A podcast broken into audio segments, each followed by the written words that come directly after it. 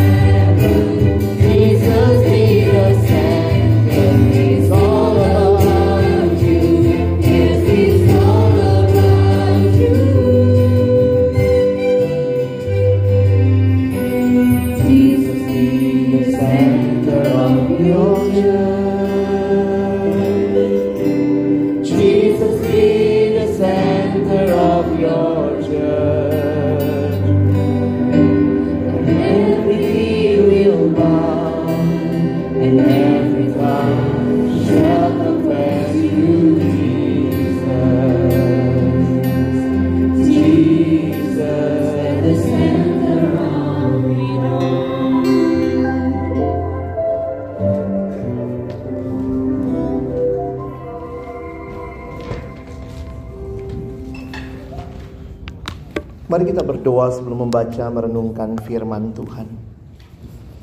Bapa di dalam surga kami datang dalam ucapan syukur sore hari ini. Kami bersama-sama boleh merayakan kelahiranmu.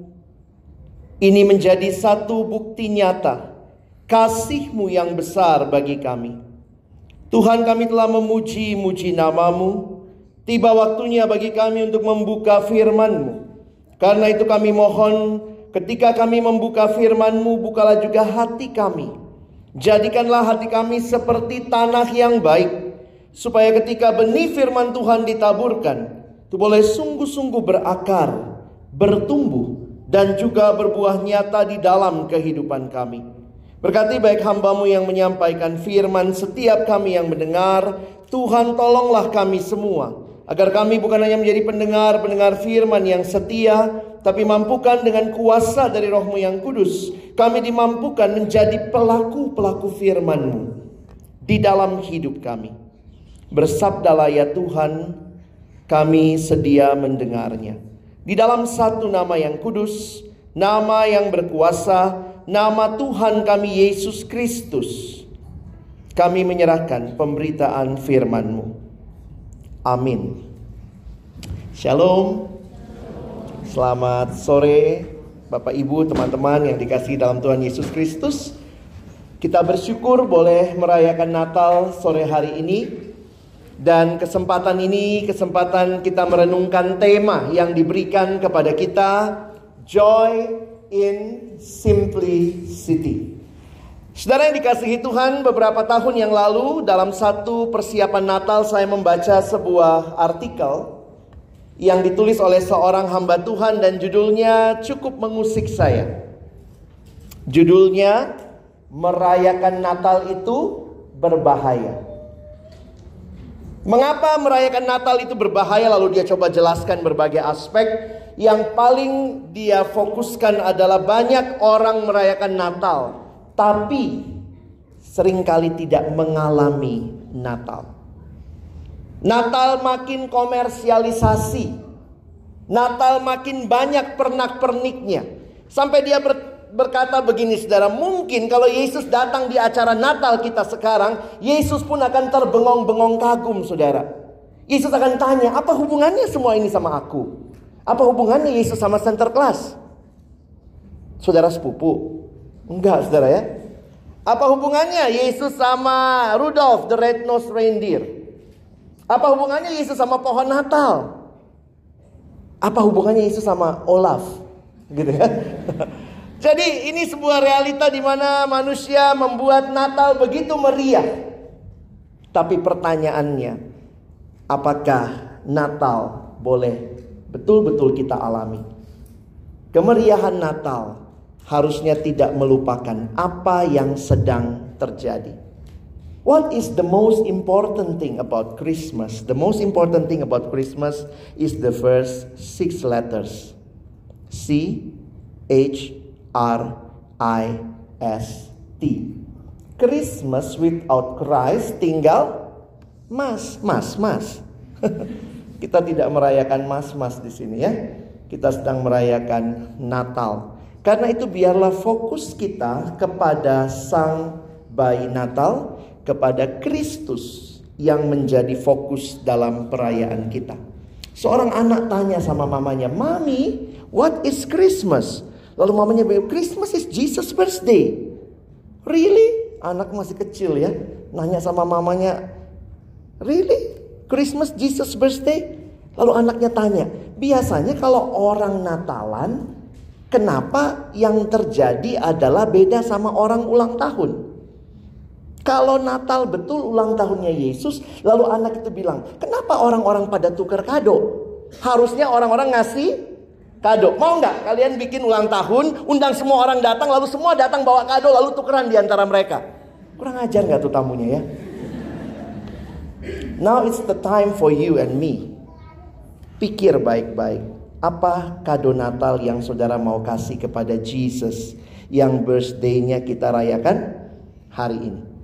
Mari sama-sama kita akan melihat tema ini di dalam sorotan firman. Saya ajak kita buka di dalam Filipi pasal yang kedua.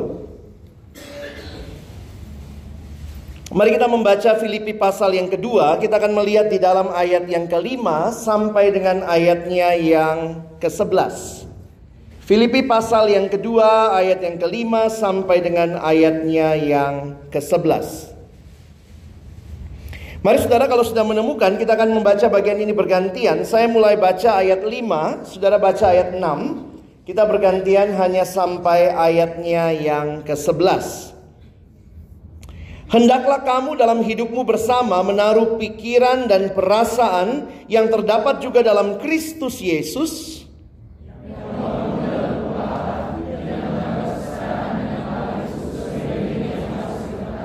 Melainkan telah mengosongkan dirinya sendiri dan mengambil rupa seorang hamba dan menjadi sama dengan manusia.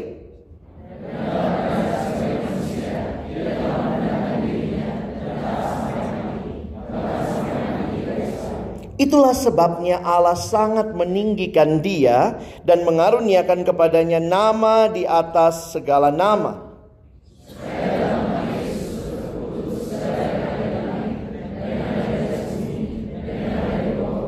Dan segala lidah mengaku Yesus Kristus adalah Tuhan bagi kemuliaan Allah Bapa. Saudara yang dikasihi Tuhan, melihat apa yang kita sama-sama baru baca tadi, ini bagian yang kemungkinan dikutip Paulus dari sebuah himnal yang umum yang dinyanyikan gereja mula-mula. Sebuah nyanyian pujian, himnal yang di dalamnya menyatakan pujian, pengagungan kepada Kristus. Tetapi hal yang menarik kalau kita perhatikan ini salah satu bagian pujian yang menuliskan tentang apa yang terjadi pada Kristus, apa yang dia lakukan. Sehingga bagian ini sering kali untuk saudara-saudara yang secara khusus kalau di sekolah teologi belajar kristologi biasanya akan membaca bagian ini ya. Ini bagian yang sangat indah yang biasanya diteliti oleh para ahli begitu rupa yang menjadi pembeda antara Yesus dengan semua pendiri agama yang lain. Saudara yang dikasihi Tuhan, Allah jadi manusia, gak masuk akal. Gimana itu logikanya? Allah jadi manusia. Saudara, gambaran ini sulit kita pahami karena kita mungkin memahaminya dengan keterbatasan pemikiran kita. Kalau misalnya saya sudah gede begini, tiba-tiba saya jadi bayi. Itu namanya beda dengan apa yang dialami Kristus. Allah jadi manusia. Itu kategorinya beda, Saudara. Kalau saya dari sebesar ini jadi bayi, itu cuma turun level dalam kategori yang sama. Kadang-kadang uh, mistis orang Indonesia percaya ya, saya ingat zaman saya SMA, daerah saya kan masih lumayan banyak superstitiousnya gitu ya. Jadi ternyata pemilik tempat retret kami seorang nenek-nenek. Seorang nenek ya, nenek satu ya, nenek-nenek jadi itulah nenek gitu ya. Nah nenek ini kalau malam jadi ada waktu itu kakak pembimbing kami bilang nenek itu kalau malam berubah jadi kucing. jadi nenek itu kalau malam jadi kucing hitam saudara ya. Jadi uh, memang waktu kami retret di situ tuh suasananya agak serem begitu ya. Jadi itu orang bisa percaya tuh, oh manusia berubah jadi kucing. Ya, tapi sekali lagi masih satu kategori, sama-sama kategori ciptaan. Can you imagine? Pencipta jadi ciptaan. Karena itu seorang penulis buku teolog wanita bernama Marfa Dawn dia mengatakan tidak bisa kita pahami dengan pikiran kita yang terbatas. Allah jadi manusia itu sama dengan membayangkan tukang sepatu jadi sepatu. Can you imagine? Itu beda kategori ya. Tukang sepatu jadi sepatu. Apa yang terjadi? Apa yang kita lihat di dalam gambaran ini? Saudara, di sini saya mengajak kita memperhatikan bahwa ada hal yang Tuhan mau nyatakan kepada kita. Saya pikir ini bukan sekadar sebuah drama di dalam sejarah kita. Anak sekarang kan sebenarnya drama ya. Jadi ya, drama Korea tuh makanya laku gitu ya. Kenapa? Hidup tuh penuh drama. Oh, biar Yesus agak ada ceritanya, bikinlah lahirnya di kandang-kandang gitu ya. Biar agak-agak eh, apa romantis gitu ya. Sedikit menggelitik perasaan. Tapi bagi saya waktu saya renungkan ini, ini mau menyatakan satu hal yang saya seirama dengan apa yang jadi tema kita. Tidak kebetulan inkarnasi digambarkan dengan gambaran yang begitu luar biasa, cerita kelahiran yang begitu luar biasa, yang saya yakin kalau teman-teman punya istri, kalau yang laki-laki punya istri nanti, pasti nggak mau istrinya melahirkan di kandang, ya kan?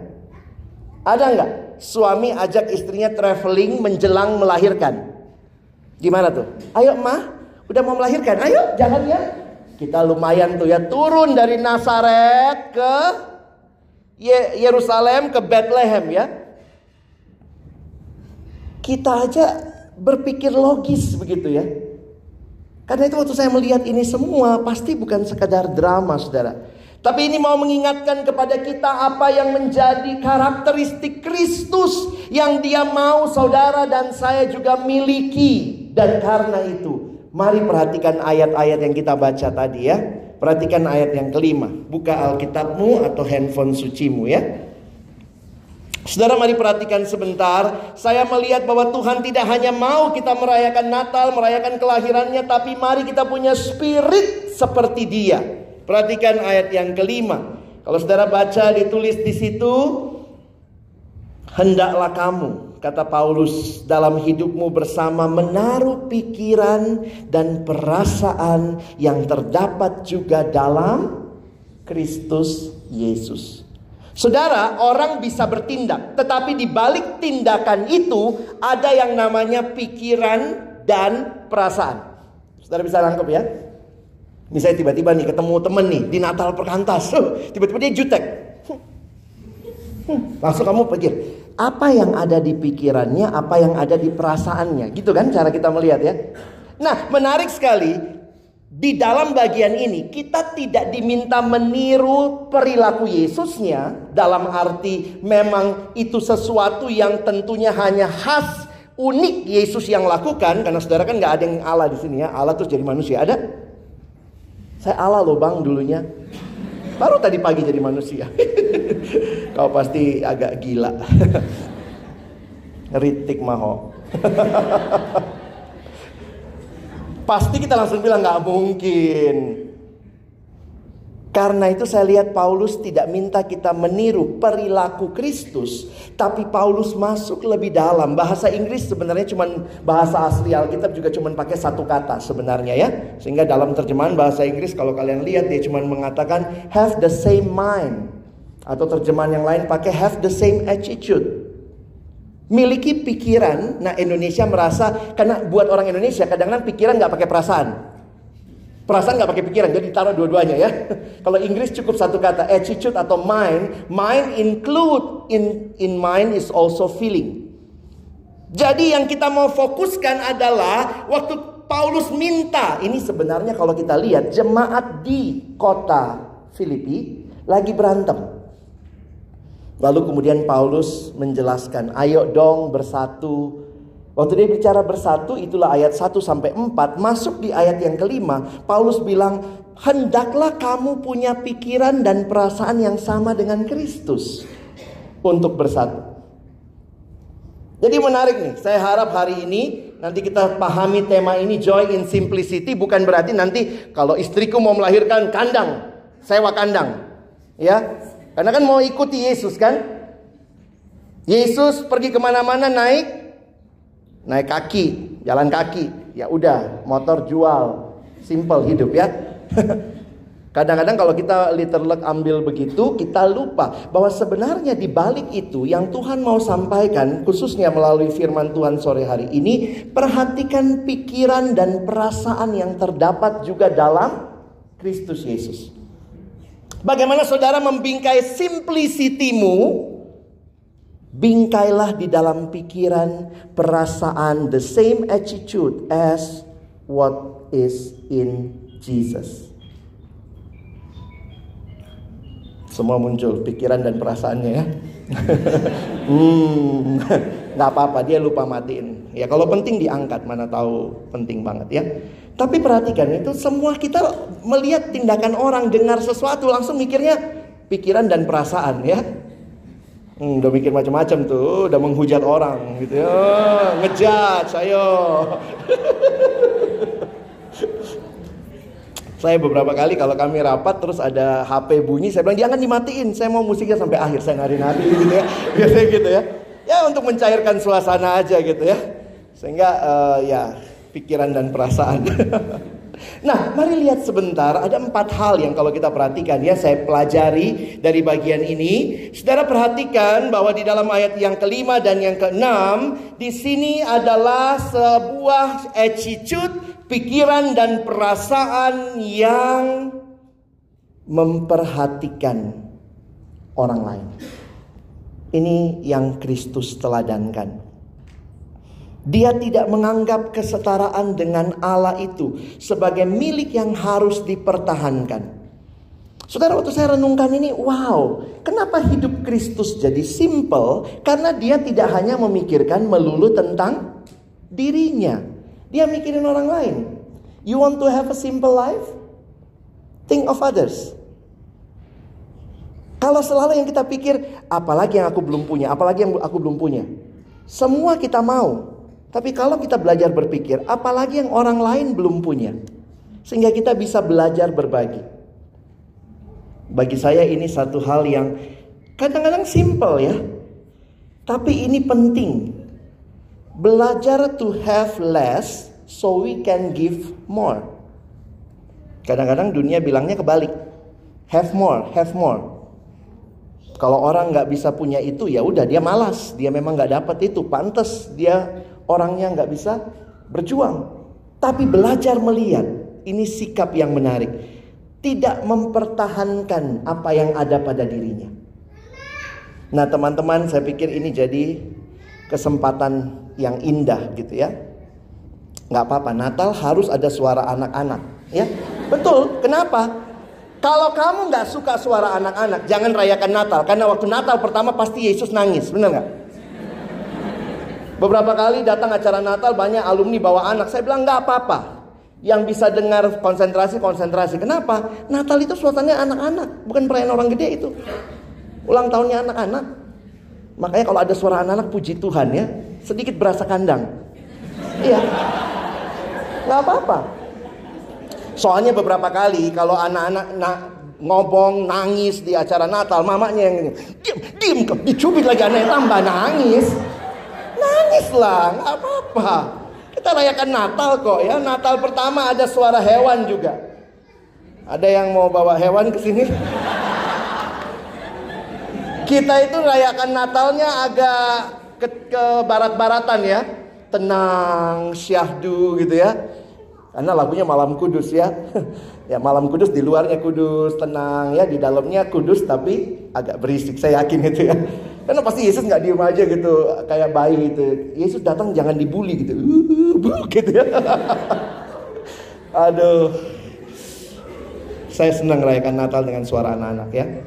Nah itu jadi satu realita yang menarik. Yesus tidak memikirkan dirinya. Dia memikirkan orang lain. Miliki perasaan dan pikiran yang seperti ini. Sayang banget ada orang merayakan Natal tapi kehilangan. Pulangnya selalu berpikir apa lagi yang saya dapat, apa lagi yang saya dapat. Begitu cara orang sekarang merayakan Natal. Natalnya kita datang Natal kayak perampok. Dapat apa? Apa? Apa souvenir? Apa lagi? Ih, lilin aja. Masa cuma lilin? Apa makanannya nanti? Jadi kita datang tuh apa lagi? Apa lagi? Apa lagi yang belum punya? Banyak kali kita bawa, bawa kantong besar. Hidup jadi nggak simple. Kenapa? We think more of ourselves. Kalau kita pikir kayak Yesus simple hidup ya. Ada beberapa masukan waktu saya baca soal simplicity. Dia bilang simplicity itu bicara tentang apa? Hal yang sederhana sebenarnya ya. Tidak semua hal harus kita miliki, benar nggak saudara? Oh lihat orang itu, Ih, enak ya rumahnya pakai kolam renang. Terus kita nggak mau rumah pakai kolam renang. Depan kos baru ada kali. Ya udahlah kali dulu gitu. Kadang saya mikirnya sederhana ya. Mungkin karunia kita bukan karunia memiliki, kita cukup karunia menikmati. Dia yang punya kolam, kita yang datang berenang ya. ya ampun, nggak mesti kan kita miliki. Banyak orang jadi alumni baru, apa yang dipikirannya? Cicil rumah, kamera SLR, jalan-jalan. Cicil kendaraan. Sekarang kendaraan agak turun ya, karena anak sekarang kan mikirnya ada Gojek, ada Grab gitu ya. Tapi pertanyaannya, apa yang kita pikirkan? Natal tahun ini apa yang mau saudara pikirkan? Natal itu katanya suasananya kasih. Bahasa Indonesia itu paling jelas menggambarkan kasih ya. Apa itu kasih? Kasih ya kasih. Bahasa di dunia yang paling gampang menjelaskan kasih itu bahasa Indonesia. Kasih itu memberi. Love is giving. Love is not taking. If love is taking, taking that is not love, that is rampoking. You know? Itu rampoking itu. Tapi kalau kita merayakan Natal dan kita tahu Natal adalah memberi. Miliki perasaan ini. Miliki pikiran seperti ini. Yang kedua, saudara lihat ya. Perhatikan di dalam ayatnya yang kita fokus ayat yang ketujuh. Saudara perhatikan Ketika dikatakan dia bukan hanya datang, saudara lihat ya, Allah jadi manusia aja udah luar biasa itu. Waktu dia jadi manusia, dia bukan mengambil level manusia biasa, dia jadi hamba. Saya jadi bertanya-tanya, apa sih yang dimaksud? Kenapa ya Paulus mengatakan dia memilih jadi hamba? Berarti di pikiran Kristus, dia datang untuk melayani. Menjadi hamba berarti dia rela melayani. Di dalam bagian lain, Yesus mengajarkan kepada murid-muridnya, anak manusia juga datang bukan untuk dilayani, melainkan untuk melayani dan memberikan nyawanya menjadi tebusan bagi banyak orang. Saudara satu kampus di Jakarta pakai hal itu di dalam logo kampusnya ya. Melayani bukan dilayani, melayani koma bukan dilayani. Saya nggak usah sebut kampus apa ya, nanti saudara cari sendiri ya. Tapi yang jelas pasti kampus Kristen ya. Ya dia tulisnya melayani koma bukan dilayani. Tapi suka diplesetin. Melayani bukan dilayani. Tipis bedanya. Geser komanya beda artis saudara. Memang lah ya, kita ini manusia yang maunya dilayani. Hidup kadang-kadang gak simple karena kita tuh selalu nyari apa lagi Ayo lakukan sesuatu bagi saya. Kristus yang datang di waktu Natal dia datang melayani jadi hamba, Saudara. Hamba beda sama pembantu. Ingat ya.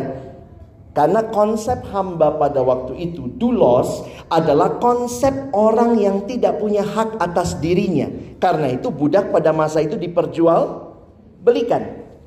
Kita kadang mikir, oh ini Yesus kayak pembantu. So, bukan saudara ya. Kalau pembantu zaman sekarang, tanda kutip ya. Kadang masih bisa membantah. Mbak beli dulu ke depan. Oh capek mbak, kamu aja yang beli misalnya gitu ya.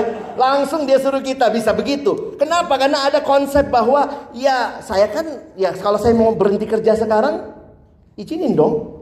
Tapi pada waktu itu, hamba itu milik tuannya. Kalau Kristus dikatakan dia mengambil rupa seorang manusia, bahkan menjadi hamba, di pikirannya, di perasaannya ada hati yang mau melayani. Saudara, kita nggak simpel hidup karena semua inginnya dilayani. Apalagi realitanya di dalam dunia pemasaran pembeli adalah raja. Wah, bingung juga saya. Satu waktu saya datang masuk ke satu, saya sebut brandnya lah maaf ya. Karena kan dia tulisnya Burger King. Bayangkan, yang jualan King, kamu apanya? Nangkap nggak maksud saya? Yang jualan aja King. Kalau pembeli itu rajanya, lalu yang jual raja kita apa? Eh lalu ada tulisan di situ. Nanti kalau ini kalau masuk Burger King mulai perhatiin ya. Ada tulisan, kan saya mau tahu saya siapa. Kalau kau king yang jualan aja king, gua apanya? Ternyata dia bilang begini, you have the right to have what you want exactly when you want it. Because on the menu of life, itu panjang tuh tulisannya, cari nanti ya. Because on the menu of life, you are today special. Ih kurang ajar. Saya dibilang today special itu padahal salah satu menunya, ya. You are today special and tomorrow and the day after that. And well, you get the drift. Nah, ini ini punchline-nya di sini. You get the drift. We may be the king. Karena itu dia namanya Burger King. But you, my friend, are the almighty ruler. Saya bilang dia lagi jual apa gitu ya. Percaya deh. Kamu googling sekarang juga ketemu. Motonya semboyannya Burger King gitu ya. Jadi dia mau mengasih tahu kalau kami yang jualan adalah raja, maka kamu pembeli, kamu adalah almighty ruler. Itu mau ngomongnya apa? Penguasa yang berkuasa gitu. Sebenarnya kan mau bilang kayak Tuhan gitu ya. Jadi kalau kita datang gitu kita disembah gitu ya. Almighty ruler datang. Weh. Memang manusia modern gak mau melayani. Kita maunya dilayani. Tapi lihat yang Kristus lakukan ya. Dia rela jadi hamba. Perhatikan yang ketiga, ayat 8. Saudara lihat ayat 8 ya. Merendahkan dirinya dan taat sampai mati, bahkan sampai mati di kayu salib. Saudara saya mengkaitkan hal ini dengan yang ketiga. Kalau dia sampai mati, maka apa yang harusnya dalam pikiran kita? Apa yang harusnya muncul dalam perasaan kita? Kalau kita mau seperti Kristus, itu berarti ada sebuah hidup yang rela berkorban. Manusia sekarang terbalik semua mikirnya. Yang penting bukan saya yang berkorban. Kalau perlu mengorbankan orang lain. Ada satu mahasiswa eh alumni yang saya ketemu dia bilang emang susah ya bang sekarang ya. Kalau mau maju bang kita harus rela gaya kodok. Hah, apa itu gaya kodok? Gaya katak bang kayak renang itu loh. Sikut kanan, sikut kiri. Yang penting gua maju. Kalau perlu tendang kiri kanan belakang. Jadi katanya inilah hidup sekarang yang ditawarkan di luar sana adalah mari bersaing kalau perlu sikut sikut yang penting kau maju. Saya waktu pelajari, wow, kok Yesus beda banget ya? Sikapnya beda, pikirannya beda, perasaannya berbeda. Dia mengorbankan dirinya. Dan ini satu hal yang saya pikir saudara dan saya harus pelajari, harus teladani. Kalau betul kita merayakan Natal, kalau betul kita menjadi orang-orang yang menyambut Yesus di hati kita, berarti hidup kita harus makin mirip Yesus. Sebenarnya yang keempat sebenarnya kalau saudara perhatikan itu ayat 9 sampai 11. Ayat 4 di uh, sorry nomor 4 yang saya mau sampaikan ayat 9 sampai 11 ini sebenarnya akibatnya. Karena itu dikatakan Allah sangat meninggikan dia dan mengaruniakan kepadanya nama di atas segala nama supaya dalam nama Yesus bertekuk lutut dan seterusnya.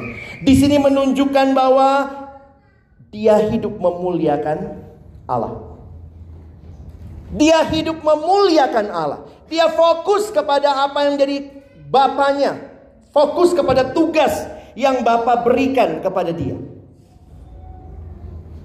Karena itu saya melihat orang yang seperti Kristus kalau kita meniru, mengikuti teladannya, harusnya juga kita bukannya meninggikan diri. Perhatikan kalimatnya. Itulah sebabnya Allah sangat meninggikan dia. Saya pikir yang paling kita rindukan dalam dunia bukan ditinggikan oleh orang-orang di sekitar kita, bukan ditinggikan oleh atasan kita, oleh rekan kerja kita, tetapi ditinggikan oleh Allah. Dan kalimat Alkitab Ketika Yesus betul-betul memikirkan orang lain, ketika Yesus betul-betul rindu melayani orang lain, ketika Yesus bahkan mau berkorban buat orang lain, Allah yang meninggikan dia. Natal semangatnya beda banget dengan dunia. Dunia berkata, "You deserve it. The more you have, the happier will be." Makin banyak dapat, makin bahagia. Karena itu saya pikir tema sore hari ini jadi penting buat kita.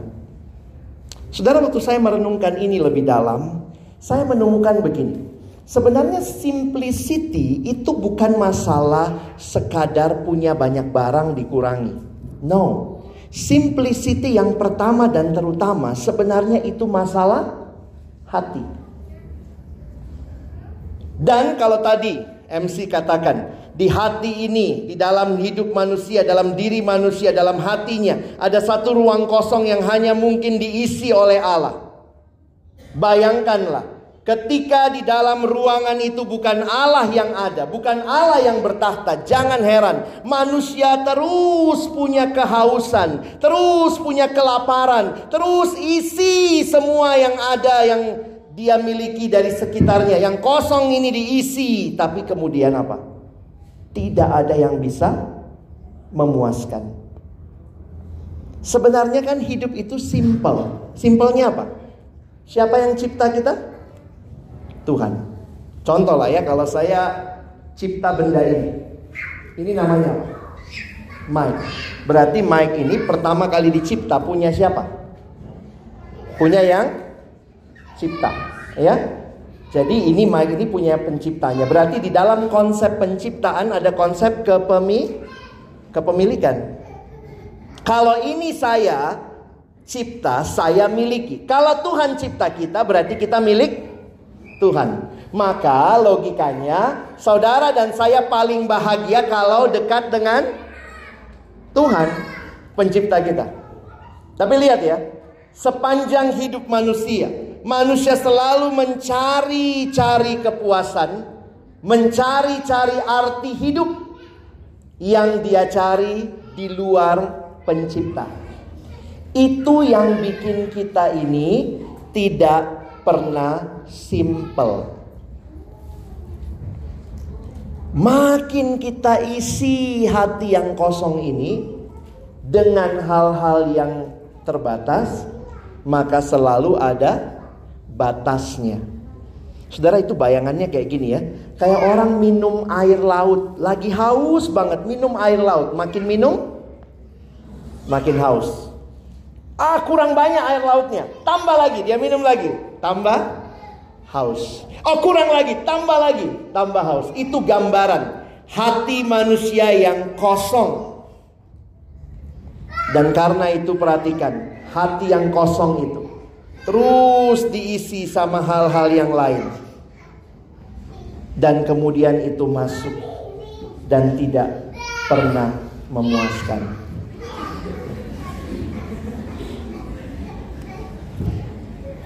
Kamu dulu nggak lebih bagus dari itu ya. Beberapa dari kalian kayaknya naik ke panggung ya. Jadi Jadi memang unik ya. Manusia selalu cari kepuasan, selalu isi dan kemudian akhirnya manusia cari identitasnya dari situ. Memang ya, masalah identitas ini lucu ya. Harusnya kan identitas kita yang paling sederhana dari Tuhan, gitu kan? Itu identitas yang paling basic. Jadi saya baru pulang dari uh, Riau, lalu Natalan di kampus di sana. Dan waktu Natal tema mereka itu I am precious. Aku berharga. Memang ya yang bikin manusia berharga itu bukan berapa IP-mu kan? Bukan kau kerja di mana? Bukan waktu alumni sudah punya rumah atau belum? Tapi lihatlah dunia selalu memberikan kepada kita hidup yang memang tidak simple, yang di dalamnya manusia kalau terjebak dengan identitas, jadi masalahnya sebenarnya kita itu tidak puas karena kita pun masih mencari identitas. Dan ini pencarian seumur hidup. Teman-teman lihat, film-film belakangan ini cuma satu temanya, percaya saya, identitas. Siapa superhero kemarin? Joker, Joker. Dia pun cari identitas. Cuma mau dipeluk. Yang mana bapakku? Banyak sekali di dalam kehidupan ini memang sedang mencari identitas dan sayangnya itu kemudian dunia tawarkan dengan membuat hidup makin rumit seolah-olah makin rumit hidup, makin banyak yang dicapai dengan hidup, maka makin kamu punya identitas. Tuhan bilang kamu berharga. Sejak kapan? Sejak dia ciptakan kamu. Jadi harusnya kebahagiaan sejati, joy in simplicity, waktu saudara tetap dalam Tuhan, itu sebenarnya kebahagiaan yang sejati. Tapi kemudian budaya, masyarakat, bahkan orang tua kita memberikan konsep-konsep yang secara tidak sadar masuk menjadi bagian identitas. Saya pikir nggak ada pasti ya. Ada nggak orang tua ngelesin anaknya pulang sekolah les matre? Kalau les matre ya nak, supaya kau materialistis, ada nggak? Pasti orang tuanya gila kalau begitu ya. Tapi secara tidak langsung itu terjadi. Kenapa? Kita ukurnya sama hal-hal materi. Nah itu biasanya terjadi di mana? Arisan, arisan.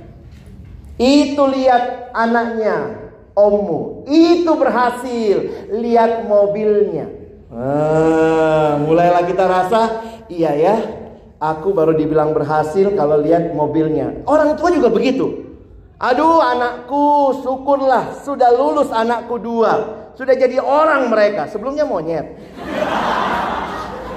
Jadi dunia nggak punya konsep juga soal identitas. Jadi lihat ya. Kalau engkau tidak ketemu rest dalam Tuhan. Ini kalimat penting ya. Kalau kau tidak ketemu rest dalam Tuhan. You will be always unrest. Selalu galau. Selalu rasa mesti punya itu, mesti punya ini, mesti punya yang sana lagi, mesti punya yang sana lagi. Terus hati itu mencari, salah satunya pencarian identitas. Jadi kalau kau tidak pernah hidup simple, mungkin masalahnya kau belum pernah puas. Masalahnya bukan di kebutuhan itu, tapi adanya di hatimu. Makanya masalah utama itu memang saya pikir-pikir masalah hati saudara. What is the heart of the problem? The heart of the problem is the problem of the heart. Ya, masalah hati. Karena itulah, kalau kita lihat apa yang dikatakan, hati itu diwakili dengan istilah tadi, miliki perasaan dan pikiran seperti Kristus. Saudara, dalam beberapa kali saya merenung begitu ya. Ada satu hal yang saya takutkan Dulu saya takut gitu ya. Wah lagi sering khotbah ke mana-mana. Tiba-tiba lumpuh. Saya sempat pernah mikir tuh. Gimana ya tiba-tiba saya lumpuh. Terus lumpuhnya nggak bisa ngomong lagi. Gak bisa kayak mayat hidup aja gitu ya. Yang bisa cuma goyang matanya kedap-kedip. Terus muncul pertanyaan, saya masih berharga nggak? Apa karena saya bisa khotbah, saya bisa keliling-keliling ke mana-mana, saya bisa melakukan sesuatu, saya jadi berharga? Atau saya berharga karena Tuhan yang ciptakan saya mengatakan saya berharga sejak awalnya. Saya tidak hidup membuktikan keberhasilan, eh, saya tidak hidup mencapai kebahagiaan.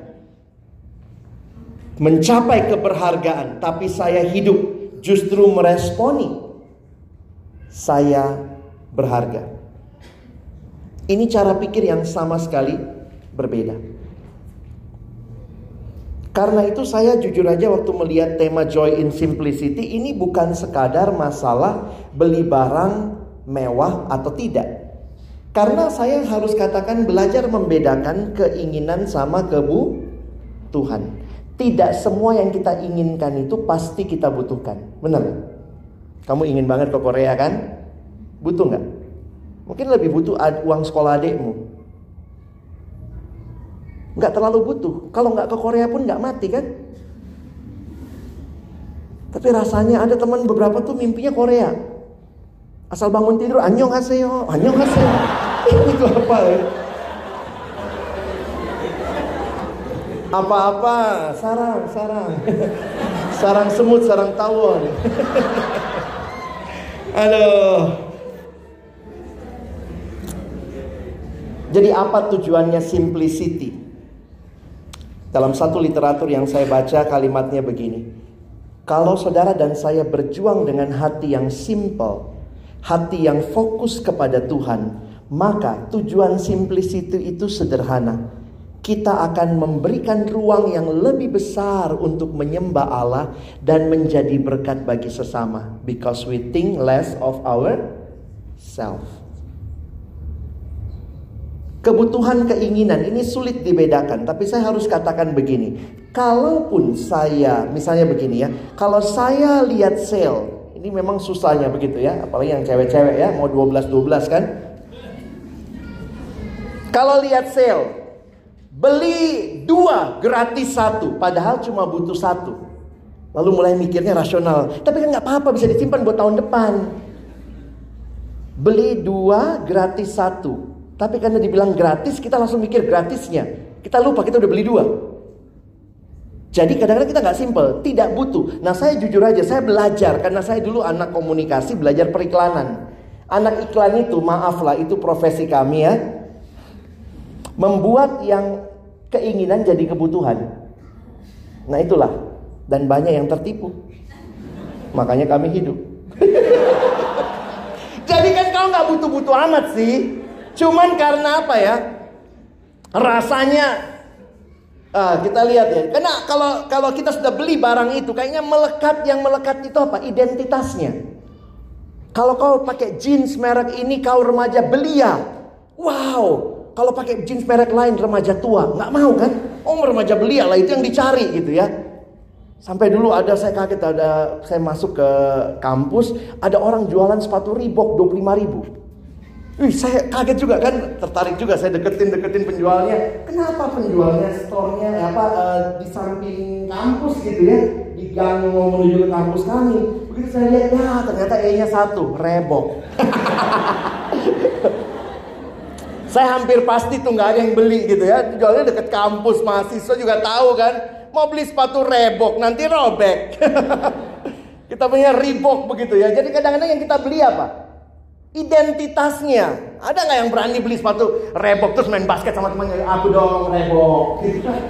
Karena orang merasa ada sesuatu yang dia beli yang dia dapat dengan hal itu.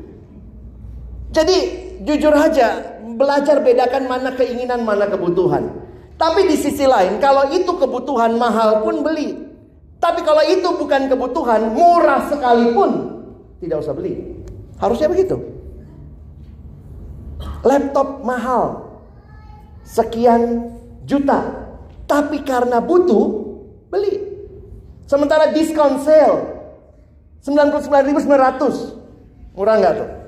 Itu kan taktik kami ya. Kalau taruh 100 ribu ih banyak kali nolnya.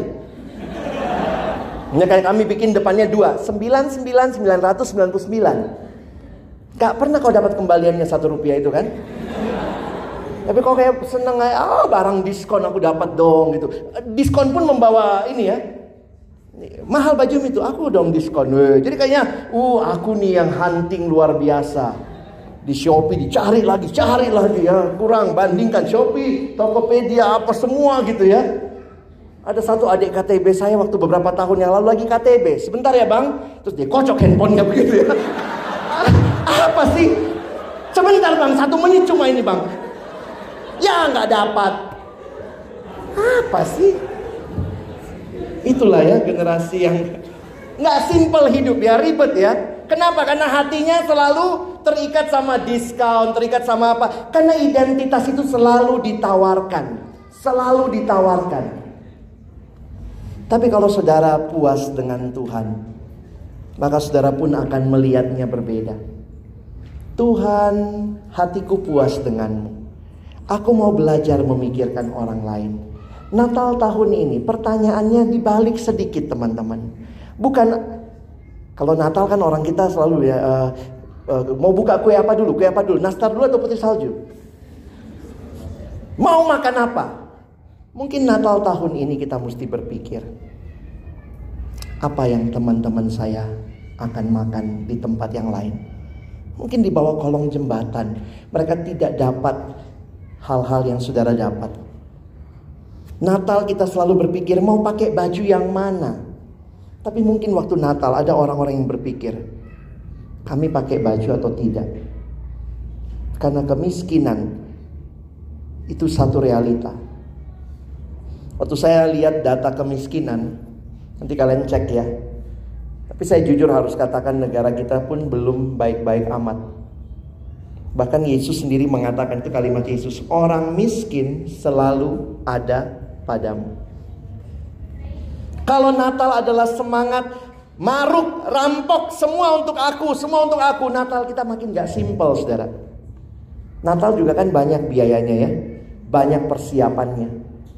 Tapi kalau kita sampai kehilangan esensinya, setelah rayakan Natal tidak makin mirip Yesus, makin sibuk sama hal-hal yang lain.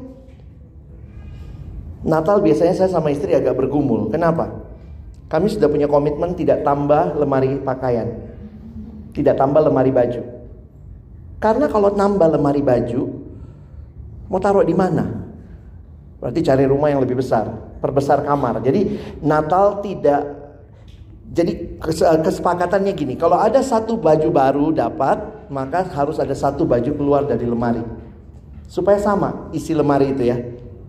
Kan nggak mungkin kita numpuk terus. Tapi itulah kebiasaan kita kan. Senang kali numpuk sampah. Jadi tiga minggu lalu istri saya sudah beres-beres. Nah ini tinggal bagian saya. Waktu lihat juga ada baju yang udah dua tahun saya nggak pakai. Tapi ada di situ. Mungkin saudara punya pengalaman yang sama? Kita nggak make di lemari jadi temennya apa tuh? Rayap mungkin. Tapi ada orang yang mungkin lebih butuh. Nah itu bagian mama saya lah. Biasa kita kasih sama mama, saya. Nanti mama saya bagi ini buat si ini, ini buat si ini. Dia udah tahu ya. Natal is not all about us. Yesus datang memikirkan manusia. Hatinya terfokus kepada kita. Dan kalau kita sudah puas dengan Yesus, maka harusnya hidup kita memberkati orang lain. Hidup kita menjadi hidup yang membangun kerajaan Allah. Ada yang bertanya, bagaimana sih cara merayakan Natal? Udah nyanyi tadi kita kan? Apa lagunya? Hai dunia, gembiralah dan sambut rajamu. Di mana sambutnya? Di hatimu terimalah Natal bicara menyambut Yesus, terima Yesus di hati kita. Puas dialah satu-satunya Tuhan dan Juru Selamat. Terima kasih Tuhan, aku mau hidup dalam hidup yang simpel, yang bisa bedakan keinginan, kebutuhan. Aku tidak cari identitasku dari apa lagi yang aku mau, apalagi yang aku dapat, apalagi aku akan kejar. Tapi kemudian hidupku yang puas dengan Tuhan akan menjadi hidup yang bisa berbagi untuk sesama. Joy karena ada keagungan di dalam kesimpelan. Natal pertama sepi banget, nggak ada yang latihan paduan suara kan? Latihannya di langit. Itu si malaikatnya di surga ya, kan malaikat paduan suara pertama ya. Back soundnya tadi ya, bayi nangis. Natal sekarang kan meriah banget gitu ya. Natal zaman itu simple banget, very simple. Saya pikir ada maksud di situ. Tuhan mau katakan tanpa semua yang meriah ini, Asalkan aku ada di hatimu, itu cukup. Christ is enough. Satu perayaan Natal yang saya ikuti MC-nya bilang begini ya. Jadi sesudah ibadah pas perayaan lalu MC-nya bilang begini. Baik saudara, kita tiba pada acara puncak kita malam ini yaitu makan malam bersama. saya pikir oh bukan khotbah saya puncaknya ya. Makan malam ini puncaknya ya.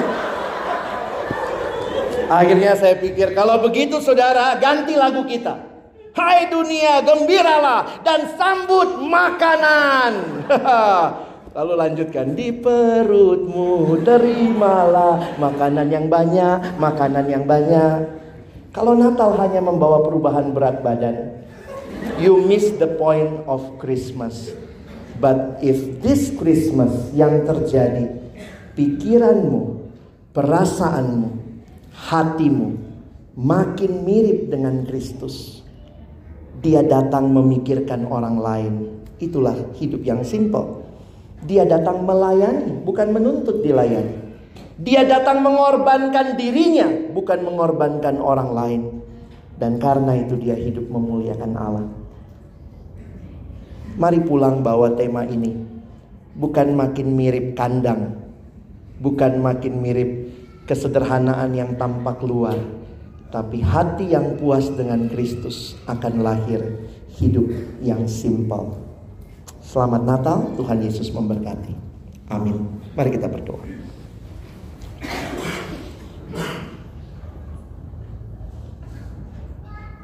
Dua ribu tahun yang lalu di kandang yang hina, Kau datang ya Tuhan. Menunjukkan kepada kami betapa sederhananya Raja di atas segala raja turun jadi sama dengan manusia, melayani, bahkan mati. Biarlah kami yang merayakan Natal bukan makin mirip dunia yang rakus, yang hatinya terus gelisah unrest. Tapi kami boleh dapat ketenangan karena Kristus cukup bagi kami. Ada satu tempat yang lebih hina dari kandang itu Tuhan itulah hati kami. Hati kami lebih hina dari kandang itu. Tapi terima kasih kau juga mau lahir di hati kami. Tolong kami yang hari ini merayakan kelahiranmu. Kami sungguh-sungguh buka hati kami. Jadi tahta bagi raja kami. Jadi palungan tempat engkau hadir. Tolong kami Tuhan. Makin mirip denganmu Setelah merayakan Natal. Terima kasih. Tolong kami bukan cuma jadi pendengar firman Jadikan kami pelaku-pelaku firmanmu. Dalam nama Yesus kami berdoa. Amin